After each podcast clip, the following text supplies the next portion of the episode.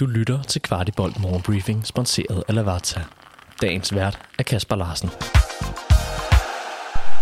Fredag den 10. marts. Vi ligger ud med vores måske hotteste spiller lige nu, nemlig Mohamed Darami. Vi har i nogle uger forsøgt at finde ud af, hvordan situationen omkring Mo ser ud efter sommerferien. Og alt tyder på, at Mo ser det som en stor mulighed, at der er skiftet træner i Ajax, og han har fuld og fast tro på at kunne slå igennem der. Dog siger kilder også til os, at det er lidt for tidligt på foråret at drage faste konklusioner endnu, så håbet, det kan vi i hvert fald bibeholde. I vores optakt taler vi lidt omkring David Rocholava og hvad status er på ham. Han var virkelig ramt efter Vejle-kampen og kunne dårligt gå efter den kamp, hvor flere Vejle-spillere synes, de gerne lige vil hilse lidt ekstra på vores sympatiske Georgier. Kuchulava har i denne uge så far kun været i gym, men siger til Kvartibolt, at det ser fornuftigt ud med hensyn til deltagelse i kampen søndag. Vi spurgte vores assistent Stefan Madsen, hvad vi som fans specifikt skal holde øje med på søndag. Her er hans tip til et taktisk element at holde øje med. Når vi går på, fra banen på søndag, øh, så skal vi selvfølgelig få gerne have tre point, og så er alt andet more or less ligegyldigt. Men er der noget specifikt, du tænker, vi skal holde øje med, når vi sidder og, og ser kampen på søndag, udover selvfølgelig, at vi laver flere mål modstanderne?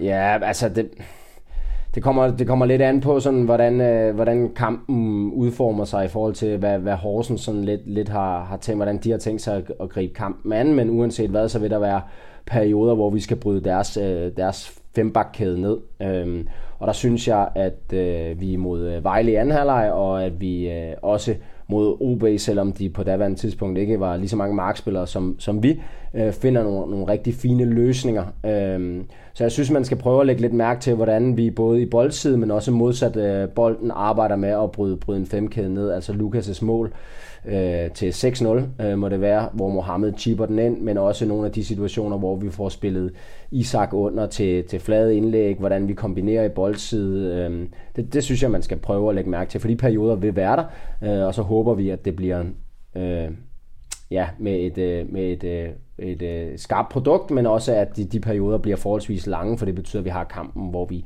hvor vi gerne, hvor vi gerne vil have den. Øhm, så det, det synes jeg er en ting, man kan prøve at sidde og, og, og nørde lidt med, hvis man, øh, hvis man har ro i sindet til det, når ja, det vil vise sig, kører. Det vil vise sig på søndag. det var det.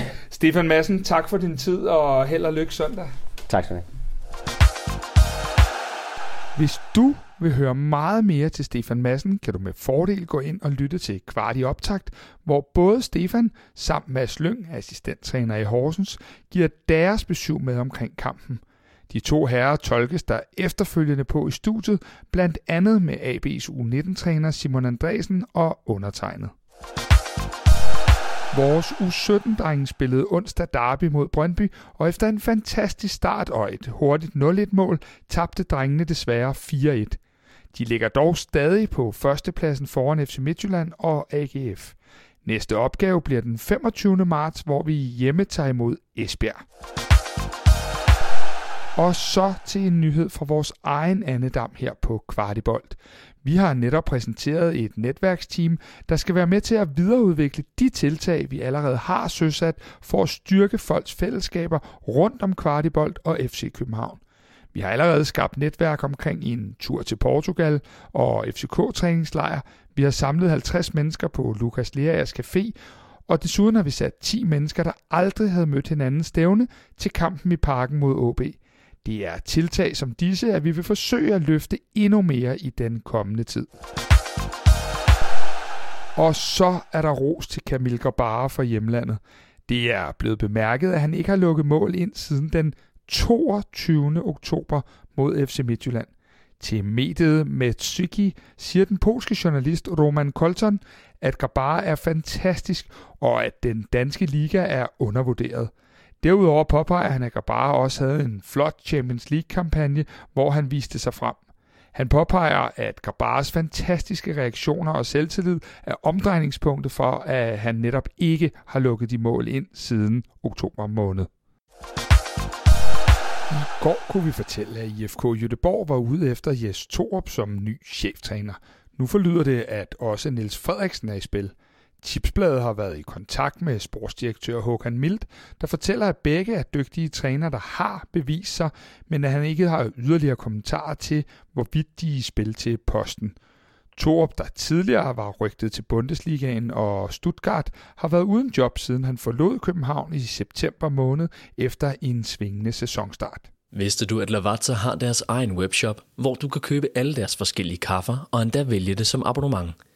De har blandt andet også kaffer, som du ikke finder andre steder i Danmark, som deres Espresso Maestro, der er økologisk og Rainforest Alliance certificeret. Udover de mange lækre kaffer, så har du også mulighed for at vælge forskellige kaffemaskiner eller som en del af et abonnement.